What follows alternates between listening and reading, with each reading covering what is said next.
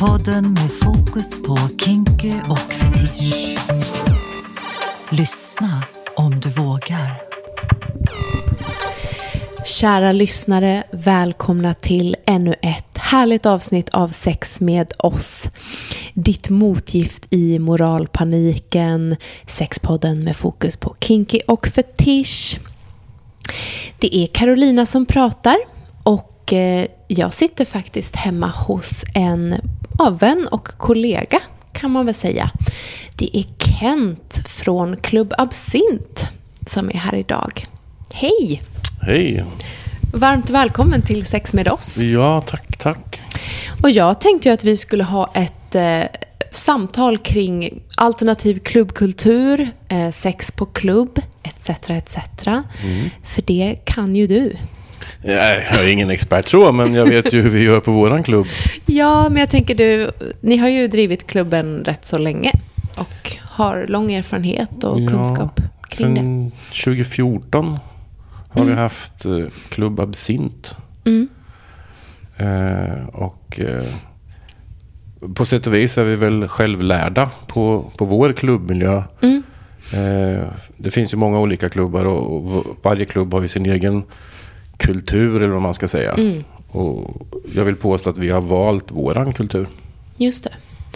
Ja, och vi får ju faktiskt en hel del frågor kring just det här med, med klubbar av den här sorten. Liksom Utlevnadsklubbar eller så. Det är många som eh, undrar hur man hittar dem eller er och hur man tar sig in och hur man behöver vara, vad man ska förhålla sig till och sådär. Ehm, och det, ser ju, det är ju som du säger, det ser ju olika ut såklart mellan Oh klubbarna. Oh ja, så är det. Eh, och du får ju prata utifrån ert perspektiv. Ja.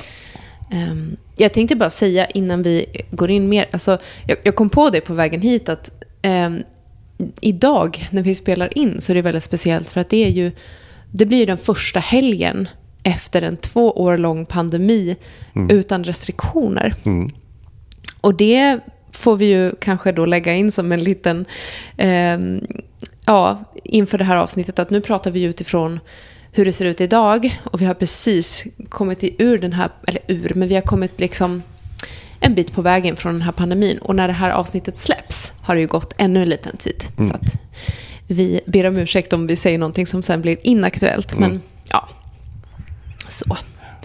Men berätta lite om, eh, om Klubb Absint. Vad är det för en klubb? Klubb Absint är en fetisch och BDSM-klubb i, i grund och botten.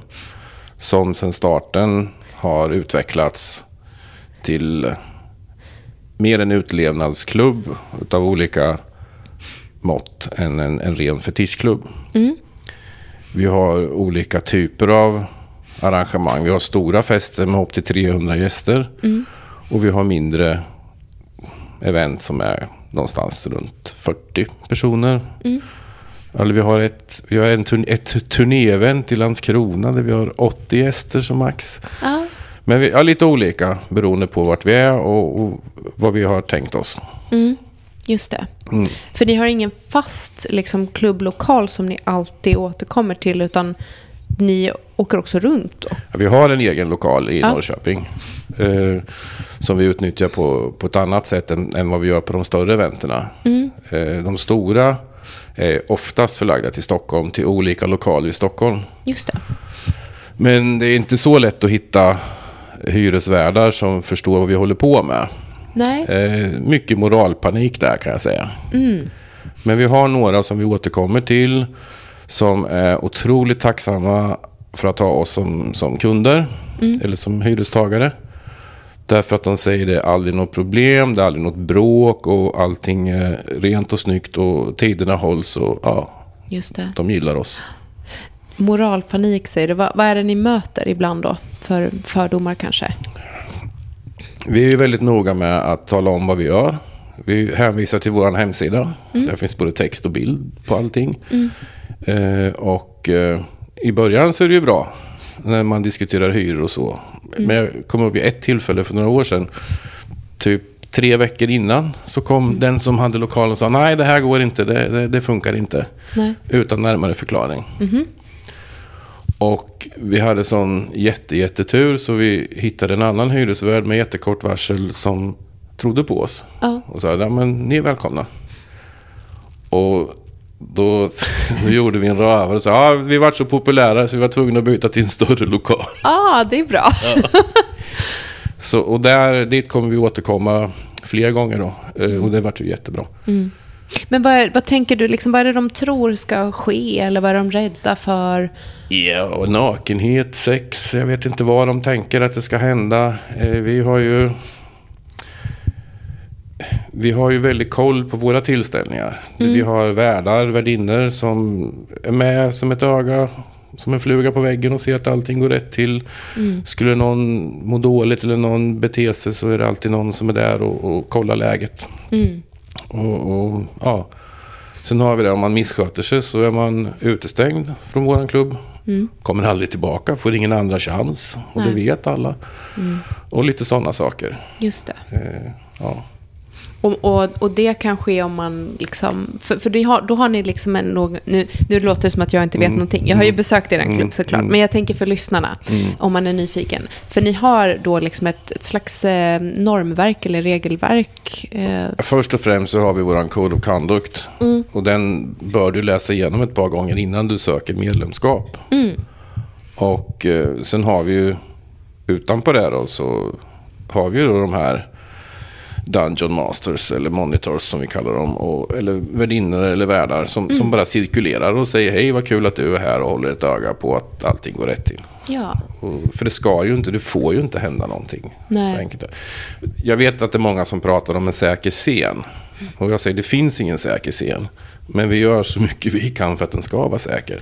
ja. Men eh, ja, det går ju aldrig att säga att det är helt safe så. Nej men precis, så det tänker jag, det, det har vi diskuterat, jag och Jessica och Mikaela också. Eh, För vi har alla tre varit på, på olika klubbar, både här i Sverige och utomlands och sådär. Och De flesta klubbarna försöker ju så gott de kan liksom, att, att eh, skapa safe space och liksom ha ja, men, säkra, trygga rum och sådär. Men det är klart att, att saker ändå sker. Eh, Det är ju ändå människor vi har att göra med. Ehm, Då vill jag säga en sak om det här med utländska klubbar Ja. mot svenska klubbar. Och, eh, Sverige har ju haft, vad ska man säga, varit väldigt återhållsamma med, med den typen av klubbverksamhet som handlar om utlevnad och sex. Och det är ju kanske de senaste, ja, ska vi säga, sex, sju åren som det har varit större och mera känt att det finns sådana klubbar. Och det, det öppnas ju upp och eh, syns mer och mer. Men som i Danmark, Tyskland, där har det ju funnits swingersklubbar och andra sexklubbar och fetischklubbar i, i hur många år som helst. KitKat i Berlin, det är över 30-35 år sedan den startade. Och det är klart att det tar en stund att uppfostra sina gäster, men de har ju lyckats. Och där är ju de som besöker väldigt mycket mer medvetna kanske än vad många svenskar är när de går på klubb här i Sverige. Just det. Eh, vad, vad tänker du, liksom, vad, är, vad är det man inte vill få dit? Eller så, här, vad är farorna som man liksom, ja, men försöker att, att hindra eller så? Uh, jag ska dra en dålig liknelse. Det är väl som att släppa in en räv i hönsgården eller gå vilt i en godisbutik. Man kan liksom inte göra vad man vill och hur man vill. Utan alltså, det är ju en, en dubbelriktad respekt för alla som är där. Jag menar, å ena sidan får du chansen att förverkliga fantasier eller uppleva drömmar. Och andra sidan så kanske du måste inse att jag kan inte göra vad som helst eller bete mig hur som helst. Nej. Alltså vi är ju, som du sa tidigare också, vi är också människor. Ja, Så det är Ja. viktigt att, att tänka på det. precis. Ehm, och, och ni, nu ska vi se, du, ni riktar er liksom till både då fetischister, eh, kinksters, swingers, eh, andra, alltså queera, Queer, hela queer-biten Ja. kan man säga. just det. Ja. Och, och ni, ni brukar väl ha dresscode men kanske inte så här jättesnäv alltid, eller? Har jag fel nu? Nej, vi, vi har ju, jag brukar kalla att vi har olika filter. Ja, Och, dresscoden är ett filter. Och då kan man styra, styra dresscoden mot en, om man vill ha en särskild stämning till exempel, då kan man välja det här och det här är det som är dresscode just den här festen. Nästa fest är en annan dresscode. Eh, och, och det gör också det att du kanske inte kan hoppa in ifrån gatan på våra tillställningar. Eller det kan du inte för du måste ha biljett såklart. Ja. Men du kan inte bara komma utan att bjuda tillbaka på något sätt. Och att bjuda till med sin dresscode är ett sätt. I och med att det skapar en stämning då. Vi har ju också, eh, mycket dresscode handlar ju om fetischism. Men vi har ju också BDSM-människor som vill gå men som inte är fetischister. Mm. Så i våran dresscode har vi, inte alltid, men ofta har vi smoking och långklänning. Alltså lite galaklädsel då. Just det. Och där kan du komma i, men då ska det vara full smoking eller full galaklänning. Men vi säger aldrig vilket kön som ska på sig vad. Nej. Men det ska vara full dress. Just det. För vi är inte så särskilt könsbundna så. Nej. I och med att vi har alla läggningar och, och sorter som besöker oss. Och, ja, det är så vi vill ha det. Ja, nej men för liksom jag har ju varit på en del klubbar och jag skulle säga att men er klubb utmärker sig ju på det sättet att det känns väldigt, alltså både safe i den bemär- bemärkelsen att det liksom, det, det, men det är ju folk som, som har liksom dedikerat sig till någon av de här spektra av utlevnad eller liksom, ja men sexuell eh, frihet eller så. Eh, så det blir ju på ett sätt lite smalt kanske, men jag tycker att det känns väldigt brett och varierat på era fester. Eh, vilket jag uppskattar. Eh, och att man kan träffa liksom alla möjliga eh, människor egentligen. Så länge man liksom är inom det här respektfulla eh, mindsetet. Ehm, jag tänker att ehm, alla de här personerna, eller liksom, ja, personligheterna som ni vill ha på era fester är ju, är ju inte alltid, men ofta kanske personer som känner sig marginaliserade i samhället annars. Och där blir det också något väldigt fint eh, ifrån grunden, liksom att få känna sig eh, trygg. Alla ska få möjlighet att, att, vara sig själva. Eller göra sin grej kanske. Jag höll på att låta som en ölreklam här nu, men det var inte riktigt det jag tänkte. Nej, ändå sitter du med en öl här nu. Ja, det nej. skulle kunna vara. Ja. Ja, men jag är ju, eh, och jag tror lyssnarna också, väldigt nyfiken på liksom vem, vem är du i det här sammanhanget och varför har du valt att starta en sån här klubb och bidra Ja. med det? Liksom? Jag vet inte. eh, Det har väl alltid varit drivande i ett eller annat. Jag har haft olika gestaltningar genom livet. Gjort, rört mig i olika subkulturer genom livet. Någonstans på 90-talet så fick jag möjlighet att, att röra mig inom läderbögsvärlden. Ja, Tack vare en, en, en god kamrat som jag hade som, som mentor, eller vad man ska säga. okej. Eh, han visar mig Hamburg, Köpenhamn. Han berättar historien om Göteborg och Stockholm och hur allting startade där. Och, Ja, han var en av de drivande på det ursprungliga Sesam i Göteborg. Som är en klubb Ja, som har funnits sedan 91 tror jag. 92, någonstans där i alla fall. Ehm, jag klev in i hans läderverkstad en gång 92, 91, 91 tror jag det var. ja. Och sa hej, eh, jag skulle vilja ha det och det och så. Och, ja, kanske, kanske, jag kunde få, kanske du kunde lära mig lite om hur man gör, hur man syr packväskor. Jag åkte hoj på den tiden. Hur man syr packväskor. Ja, Är du bög, sa han. Nej, det tror jag inte. Fan vad synd, sa Och, sen, och så började vår vänskap. ja. Och den höll i sig i många år. Han är död nu så många år tillbaka. Men, ja. men just det han visade mig, det var ju sin värld. Och det var så respektfullt att jag fick titta in i hans värld. Ja. Och, ja, hur det funkar, hur dresskoderna funkar. Och, och vi var nere i Hamburg och for omkring på massa ställen. Vi var på en bar som hette Chaps. Och så sa ja, där är baren och, sen kan vi sitta här borta. Och där det står dark room, där ska du nog inte gå in. Nej, sa jag. Jag fattar ingenting. Nu vet jag vad dark room är, men Ja. jag gick aldrig in där. Men Jag har lärt mig på annat sätt senare i livet. Då. Men, ja. Nej, men jag är jättetacksam för den mannen. Och det är väl kanske lite det som är grunden i hur Absint jobbar. Just den här respekten och Mm. ömsesidigheten och, och ja, att folk faktiskt får vara vilka de är oavsett. Ja. Just det. Mm. Ja, vad spännande. ja, det var spännande. Det var riktigt spännande. Ja. Sen gjorde jag massa andra saker under flera års tid. Eh, tatueringsmässor och allt möjligt sånt.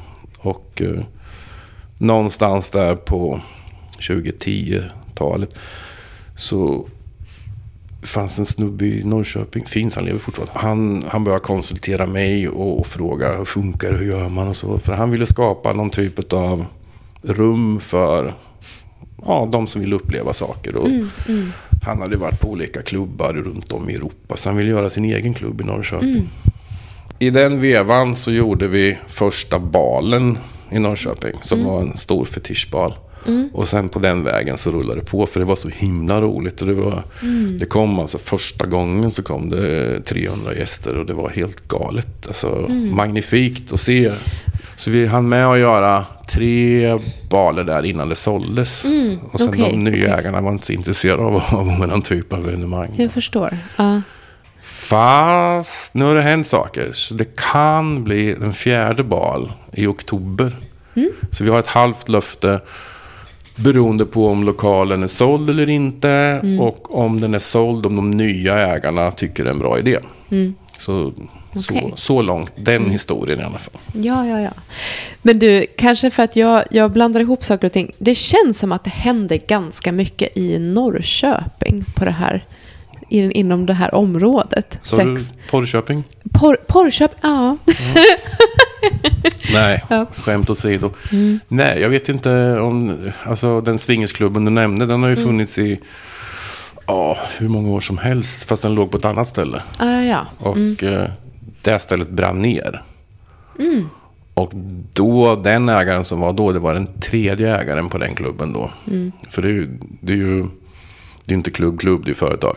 Mm. De hade, fick rum eh, på Arbis i källaren då. Ah, ja. Och de finns fortfarande kvar där. Ah, men Ja. då är jag med. Ja.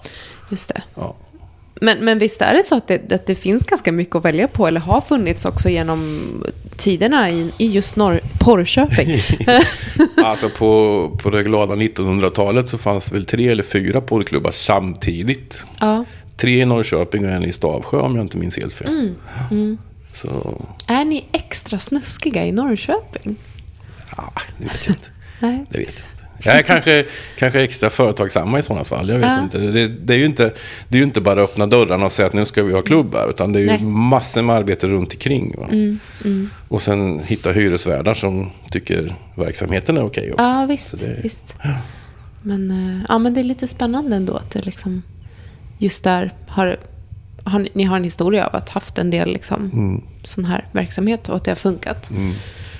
Ehm, ja, men gud vad spännande. Vet du, eh, jag tänkte också så här, en, en rolig grej som, som jag tänkte på nu innan vi började spela in var att ehm, faktiskt så tror jag att eh, du och din partner som driver Club Absin- Absint var några av de allra första som jag liksom eh, bollade lite idéer kring den här podden med innan vi startade den.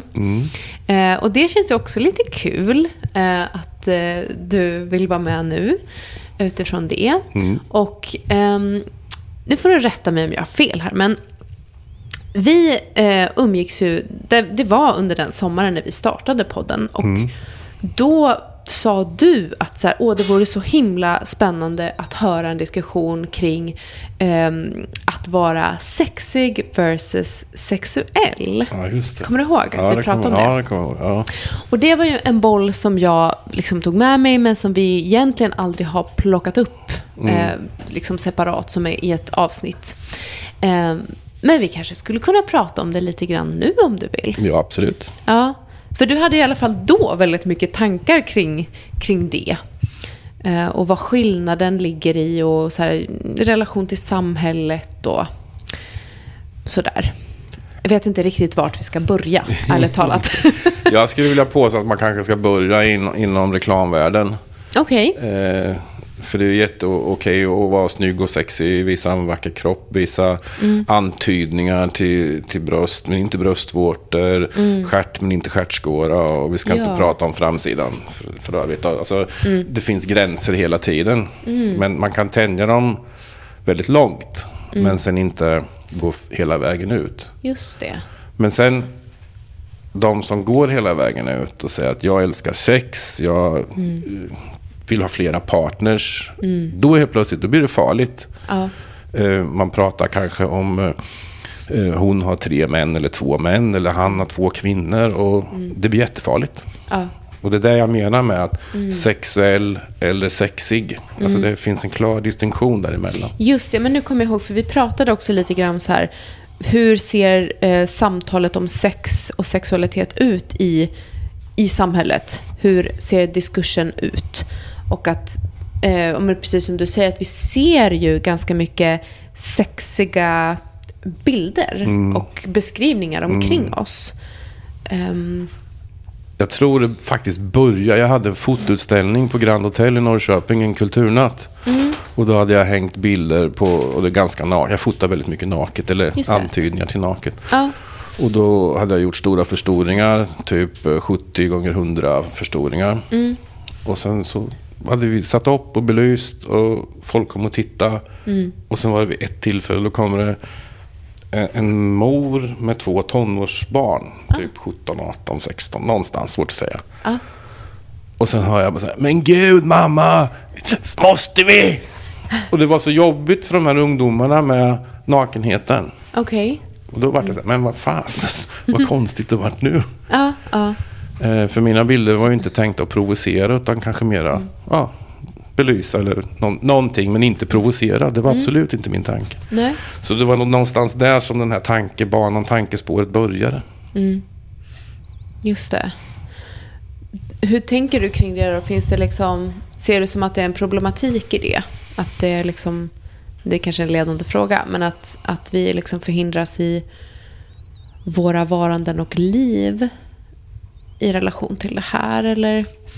Ja, men på, på ett sätt, fast det här är ju, det är ju jättegammalt det här med killar som tar för sig vs tjejer som tar för sig. Den ena är liksom en, en, en tjur, den andra en hora. Det blir så konstigt när vi ändå har samma drift. Alltså könen har samma drift. Just det. Och då, det ena ska förfuljas och det andra ska förhärligas. Det blir, Jag tycker det är orättvist. Ja. tycker jag. Ja men verkligen. Men, och, och det där är ju, det är ju en gammal grej som, som i alla fall vi med liksom kvinnliga kön eller kvinnligt kodade kroppar eh, har liksom jobbat med att försöka parera eller passa in i genom våra liv.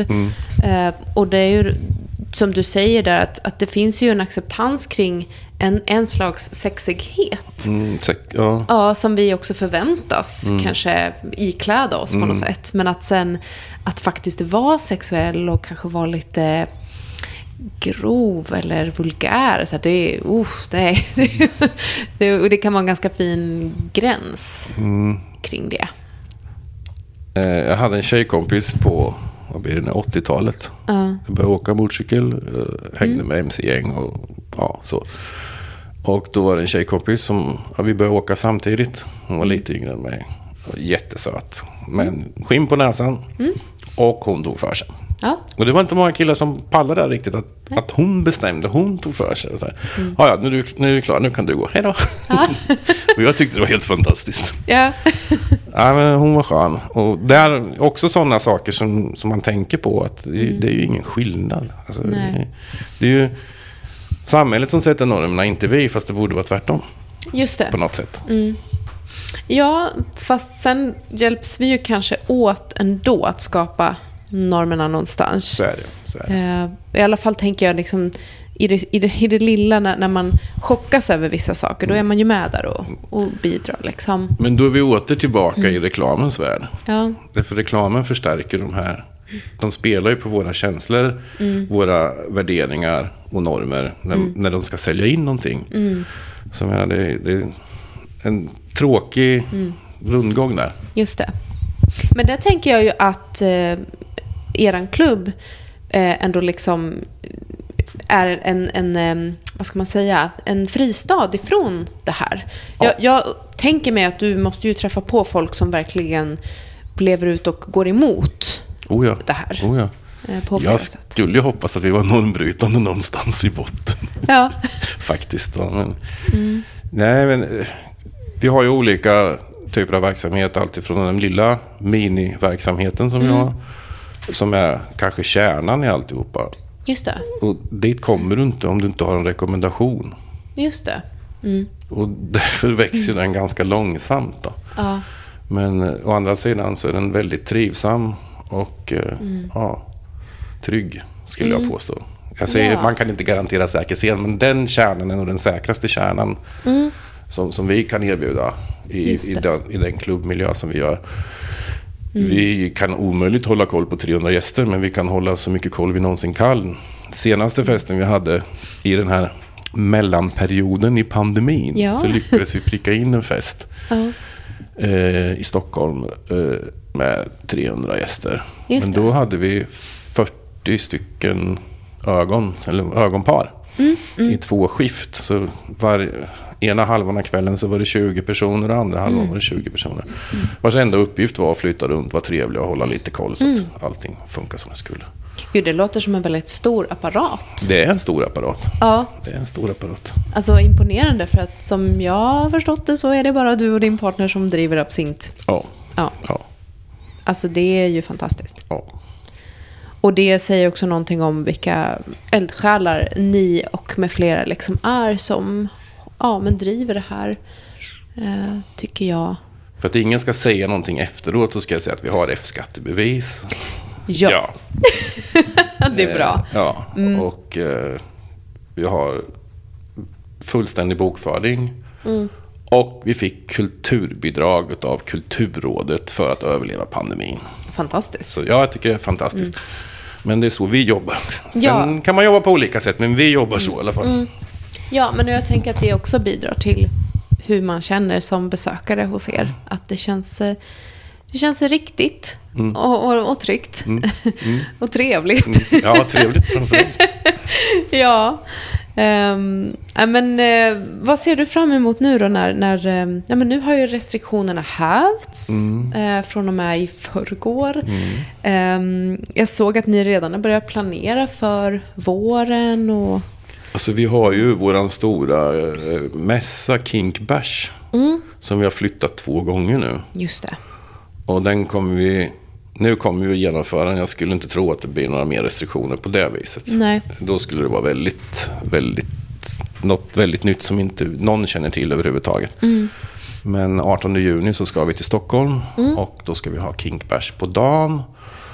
Och sen har vi en, eh, en fest på kvällen. Eller fest, ett utlevnadsevent. Ja. En side circus show som vi kallar det för. Eh, men den kan vi återkomma till lite senare. Ja. Jag vill prata mer om Kinkbash. Ja, gör det. Kinkbash är en mässa som kommer att ha som innehåll den queera världen som vi rör oss i.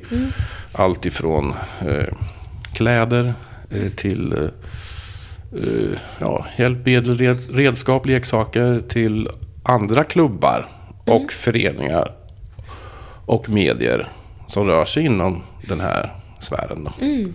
Vi har haft det en gång innan och då var det en liten variant. Då hade vi 600 besökare på fyra timmar. Wow. ja. Men, eh, ja, men det var himla roligt att och se alla de här nya företagen som finns.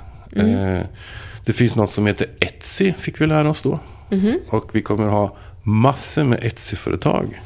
Okej. Vilket gör att man kan hitta bra saker i små serier. Ja, Det är sådana som tillverkar själv och, och så. det. Så det ser jag fram emot. Så det håller vi på nu. Senast igår satt jag hela eftermiddagen och försöker sy ihop hotelldealer. Så att vi, vi har ju besökare från norr till söder, ifrån Piteå till Trelleborg. Men de ska ju bo någonstans. Ja. Och det finns inget som är så roligt som att ha alla på samma hotell. För hotellfrukostarna dagen efter, det blir som en återknytning direkt Ja. på kvällen innan. Så mysigt. Ja, det är jättemysigt. Ja, Ja, men lite så. just det. Ja. Precis, och det är ju som jag förstår ett, stort eh, arrangemang. Det är stort. Stort event. Ja. Men fram till dess så såg jag också att ni planerar för lite mindre event längs vägen. Mm. Eh, Vi gör ett gästspel i Landskrona. Och då har vi någonting som heter Play Party. Och eh, då har vi med oss olika saker. Man kan prova eh, fucking machine. Okej. Man kan prova en Sybian. Ja, Man kan få bli intimrakad med publik. wow. Ja. ja, men lite sådana saker. Ja. Hur funkar en fuck machine? Jo, det är en motor som driver en, en stång som man kan fästa olika lek- leksaker på. Och sen kan man placera den på olika sätt. Och sen kan man sätta sig, ställa sig, lägga sig framför den. Eh, bara man har en kroppsöppning som man kan stoppa in någonting i så, så kan den här maskinen sköta det automatiskt. Just det. Mm. Kan man då ställa in den på lite olika hastighet? Då? Hastighet och eh, vi ska köpa nu men vi har inte haft råd att köpa den. Men den kan man få rotera, vibrera och gå i olika hastigheter. Den är helt magisk, fantastisk. wow. ja, nej, men det låter väldigt spännande. Ja. Eh, Vi, vi har haft det tidigare. Vi hade det en lång fredag i Stockholm för några år sedan. hade vi också playparty med alla de här. Plus att vi hade en fistingstation. Okej. Där man kunde få prova på att bli fistad. Oh. Ja, fisting är ju som våra lyssnare vet min absoluta favorit. Mm. Så där hade vi en, en, en eh, medarbetare som betjänade både män och kvinnor Ja. med sin knutna näve. Fantastiskt. Ja, Ja. men det var, det var väldigt uppskattat. Ja. Jag tror det var 12 stycken den kvällen Mm. som kunde prova på. Varav fyra var män. Ja, wow. Mm. Vad fint. Ja. Eh, Jag hörde sen att dagen efter så var det väldigt mycket träningsverk i den armen i alla fall. Okej. ja. Nej men det är, som, som vi pratade om tidigare, vi är mycket för upplevelser och, och chans att få uppleva saker. Mm. Så är det. Och det är ju inte alla som kan ha en Sybian hemma, de går ju loss på nästan 20 000. Just det. Så ja, Mm. men det är väl roligt att kanske få prova om man har sett det eller hört det. Så. Just det. För, ja, och det tänker jag, det, det har ni ju gemensamt med i alla fall ett gäng andra klubbar. Att, att, att man liksom, om man kommer, om, för att utleva någonting i Darkroom eller eh, att det finns lite olika verktyg och leksaker och tillbehör som, ja, är där för att skapa stämningen. um, ja, Då, intressant att du säger dark room. Mm. För det är någonting som vi inte har. nej, just det. Och det har vi av, Mm. av en sorts princip då. Att eh, vi tycker att man ska kunna stå för sin sexualitet. Och då Mm. ska man kunna synas och se. Eh, Sen kan Ja. jag förstå tjusningen med att ge hemlighet utan att någon vet. Men, och jag har full respekt för det. här, Men vi jobbar inte så. Nej. Men vi har något som heter Red Room istället. Mm. Och då, dit går bara par eller tre, tre sammanheter eller vad man ska säga. Mm. Ingen går in ensam. Okej. Mm. Utan man är minst ett par eller man är tre som leker ihop. Mm. Och sen vad man träffar på där inne det är en annan sak. Ja. Men det är åtminstone rött ljus så man ser vem Ah, som är ja. där. Ja. Men inga singlar som går in och tafsar. Utan man går in med någon, en eller två lekkamrater. Mm. Och de man går in med, de går man ut med. Så, ja, och det har varit väldigt uppskattat. Mm. Vilket då gör att par, oavsett konstellation, som kanske vill vara nära eller se eller höra andra människor som har sex, Mm. kan gå in där och veta att de går in där och utan att de blir överfallna eller vad man ska säga. Mm. Och, och, det, och det kan vara väldigt spännande. Har man aldrig gjort något sånt, utan bara gjort hemma och utan åskådare så kan det vara en väldig turn-on att göra det med- med folk bredvid. Just det. Så. Ja, som du hör så tänker vi mycket på det vi håller på med. Ja, ja, men- det finns en tanke bakom hela ja, tiden. Ja, visst. Eh, nej, men, och, och det, är ju, det är ju väldigt olika, alltså hur det ser ut på olika klubbar. Om det är fokus på mycket dark rooms eller om det är om det inte finns. Så, sådär. Och jag vet inte, jag tänker att det, det liksom uppfyller ju olika delar av ens mm, lust eller utlevnadslängtan, eh, det här. Ehm, jag personligen tycker inte heller att darkroom är liksom...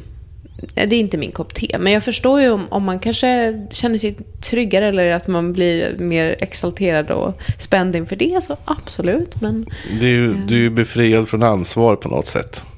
Ja, Du kan liksom inte... Du kan bara säga, ja men jag gick in där frivilligt. Och sen det som händer, händer. Det, det är inte det. mitt ansvar. nej. Det är en väldigt konstig inställning i och för sig. Eh, Ja. Förlåt, ja, det, ja. Mm. det som jag känner. Jag säger inte att det är så för alla, men jag upplever det så.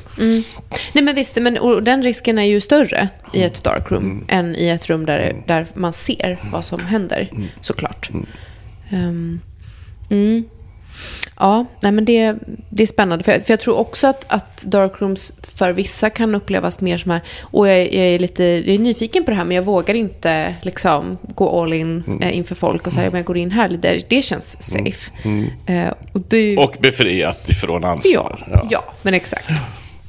Ja, äh, det är ju fruktansvärt om, om en- liksom man kommer in med den intentionen och liksom hoppas på att uppleva någonting fantastiskt och sen kommer in någon annan som, som tänker att den kan skita i eh, rule, of- liksom conduct och bara gå in och köra. Det, man hör ju själv att det Min första kontakt med ett darkroom det var för massor med år sedan i, på en manifest, ett manifest i, Köpenhamn. Och jag hade en, en dejt där som sa, kom nu det här blir spännande. Så jag följer med in. Kommer in i kolsvart. Och vi kramas och har det lite bra där. Och så bara känner jag händer överallt. Och jag blir galen och börjar sparka omkring mig. Oj, ja. För jag visste inte om det där då. Så jag lärde mig den hårda vägen. Så, att ja, säga. ja. Ja. så jag var ju ute därifrån illa kvitt kan jag säga. Jag förstår. Så det kanske, kanske man ska veta om när man går in i ett darkroom. Att, ja, Absolut. Det händer med händer. Ja. ja, det låter ju som en bra grej. Ehm, mm, ehm, hur tänker du kring eh, det här samtalet? Vad, vad, vill du, vad tänker du är viktigt att, att ta upp när man pratar om liksom, den här typen av klubbmiljö? Eller, eh, för att som sagt, alltså det är många som lyssnar på vår podd som är nyfikna på den här världen och ja, vill ta sig in. Och, Utan att slå oss för bröstet på något sätt så tycker jag alla ska vara medvetna om att det finns olika klubbar och klubbarrangörer. Likväl som det finns olika swingersklubbar så finns det olika fetisch och BDSM-klubbar.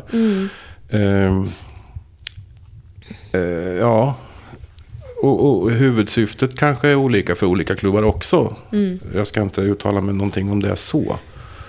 Men man ska definitivt vara medveten om att det finns olika klubbar och olika klubbarrangörer. Det tycker jag är jätteviktigt. Och, är man osäker så kan man fråga runt lite.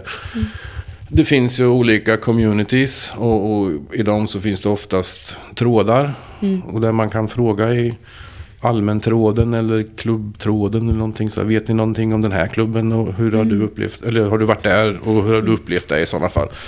Och i och med att vi lever i en, i en sån internetvärld så, så är det ganska safe att ställa de här frågorna i de olika trådarna. Som är. just det. Gör din research. Ja, men jag kan nog tycka, tycka det är bra. Just det. Och fundera lite på vad det är man vill få ut av det också. Ja, precis. Och som sagt, vilken klubb då som passar en själv bäst. Ja. Och, Vi har ju valt att skriva en Code of Conduct. Som är ganska bra att läsa. Och, och då kan man se, passar det här mig eller passar det inte mig? Och vi har en grej i den där som säger så här att eh, eh, om, om, du inte, om du har en sexualitet eller om du inte kan med någon annans sexualitet så kanske inte Club Absint är en klubb för dig. Och, och då kan man ju tänka efter, så, ah, men jag tycker det känns jobbigt med, med män som tar på män. Ja, men kom inte hit då. Eller jag tycker det är jobbigt med tjejer som tar på tjejer. Ja, men kom inte hit då. Alltså, det, det går ju att tänka efter liksom. Vad är det jag skulle tycka var jobbigt med någon annans sexualitet? Ja, men tycker jag det är jobbigt då kanske inte absint är en klubb för dig. just det. Så kan man säga. Ja, nej, men det var väl jättebra råd. Mm. Ehm, och vad har ni för, för liksom visioner och planer framåt? Nu när vi får lov att Ja. träffas igen. Vi, vi försöker väl... Först och främst så försöker vi göra saker som vi tycker är roligt. Eh, och sen är vi sådana här att så fort någonting blir nödvändigt, alltså man måste göra det, då är det inte roligt längre. Nej. Alltså skulle vi göra Club Alsint för att överleva, då skulle det inte vara roligt. Skulle jag fotografera och ta in fotojobb, då skulle inte det vara roligt. Alltså, någonstans så måste det finnas en gräns.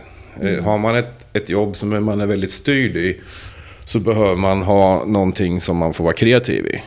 Och då, då kan man väl säga att Club Absint är den typen av andningshål i sådana fall. Eh, Sen sitter vi i den situationen att vi behöver inte göra det här för ekonomin. utan- Och vi kan överleva och vi har fått support och stöd. Och, och då är det jätteroligt helt plötsligt. att Just göra nya saker. Så det är väl där vi, vi hittar på nya möjligheter. Eller vi söker, eller inte söker, vi, skapar nya möjligheter. Det är väl det. Just det. Mm. Just det, för ni, ni, då, då har ni andra jobb liksom som, Ja. ja, som ni lever av. Precis. Ja. Ja, ja nej, men det är ju en, en, ehm, en bra poäng, tänker jag. Mm. Ehm, att, att det blir lustfyllt Ja. även för er. ja, exakt. Och det är därför min inte är något krav på att det ska växa. Utan det ska bara vara trevligt, roligt. Energigivande framför allt. Vi har träffat, genom åren så har vi träffat väldigt mycket intressanta människor. Och ja, människor som syns på andra ställen än hos oss också. Och det är också intressant att se att, att de finner trygghet och vågar komma till oss. Just det är det. jätteviktigt för oss. Jag kan bara föreställa mig också att ni måste ha lärt känna många nya vänner genom det här. Det har vi också. Ja. Det har vi också. Bara det liksom. Ehm, ja. Nej men det där är ju alltid klurigt med liksom tid och pengar. Mm. Tänker jag. Det är, det är någonting som vi funderar på mycket med den här podden också. Mm. Att eh, det är ju, vore ju kul om vi tjänade en massa pengar. Eh, och, och förhoppningsvis kommer vi tjäna lite pengar. Vi tjänar ju redan lite genom vår Patreon. Men liksom framför allt varför vi gör podden är ju för att vi tycker att det är så himla kul själva. Eh, älskar podcast, älskar att få prata om sex. Och liksom, vi lär också känna mycket folk genom podden. Eh, och få mycket nya kontakter och nya liksom, input. Så här. Det, det, det är som du säger, det, det är liksom, då vill man ju fortsätta också. För att det ger någonting för en själv och ens eh, livslust. Liksom. Så det är fint. Mm. Mm. Fint att du inte säger att det bara är en kommersiell... ja. Nej, men eh, för mig så är en drivkraft att skapa saker. Och, och så har det varit sedan 90-talets början när man höll på med annat. Jag gav ut tidningar och jag gjorde med andra mässor och sånt där. Just det där att få vara kreativ för att skapa saker själv. Det är det som är, det är jättebra och skönt att få en återkoppling på livet på det här viset. Just det. Inte bara ett lönebesked. Nej men exakt. Och det tycker jag har varit så fint de gånger som jag och min man har besökt er klubb. Att ni också är där och är med och liksom umgås med eh, oss som är där. Ankmammare som jag säger. Ja, okej. Ja, men ibland så här, jag känner mig som en ankmamma för att allt ska funka, allt ska klaffa, det ska vara snyggt, det ska vara i ordning och allting. Så då, då går man runt där som en ankmamma. Så fixa lite där, fixa lite Jo, där. men det är klart. Det är klart. Det, ni är ju värdar liksom för det. Men, men att ändå att ni tar er tid att prata med folk också. Det skulle ju kunna varit mycket mer business Mm. Ja, ja, nej, och nej, att nej, ni står nej, bakom nej, en... Ja, Så jobbar inte vi. nej. Ja. Nej, men eh, vad fint. Och vad fint att du ville prata med mig Mm. idag. Är det någonting som du tycker att vi borde ta upp innan vi avrundar? Nej, jag vet inte. Jag tycker väl vi har kommit igenom det mesta om klubben och kommit igenom väldigt mycket om annat också. Ja. Ja. Ja, Vi är googlingsbara. Ja just det. och, jag, och jag har ju förmånen att vara vän med er också, så jag tänkte nog att vi ska prata lite annat sen när vi stänger av. Ja, men vad trevligt. Vad trevligt. Ja. Men, eh, men tusen tack för att du ville prata med mig i podden. Och eh, tusen tack till dig som har lyssnat. Eh, ni får jättegärna bli våra Patreons, apropå pengar och så. Men det är ju faktiskt så att, att eh, det hjälper oss ändå att kunna fortsätta och spela in nya avsnitt. Plus att ni får ta del av podden tidigare och lite extra material. Så gå in på www.patreon eh, nu ska jag säga, .com slash sex med oss och bli Patreons för kostnaden av en latte per månad. ungefär. Um, tack Kent. Tack Klubb Absint. Vi hörs igen om två veckor. Puss puss. Sex. Sex. Sex med oss. Sexpodden med fokus på kinky och fetisch. Lyssna om du vågar.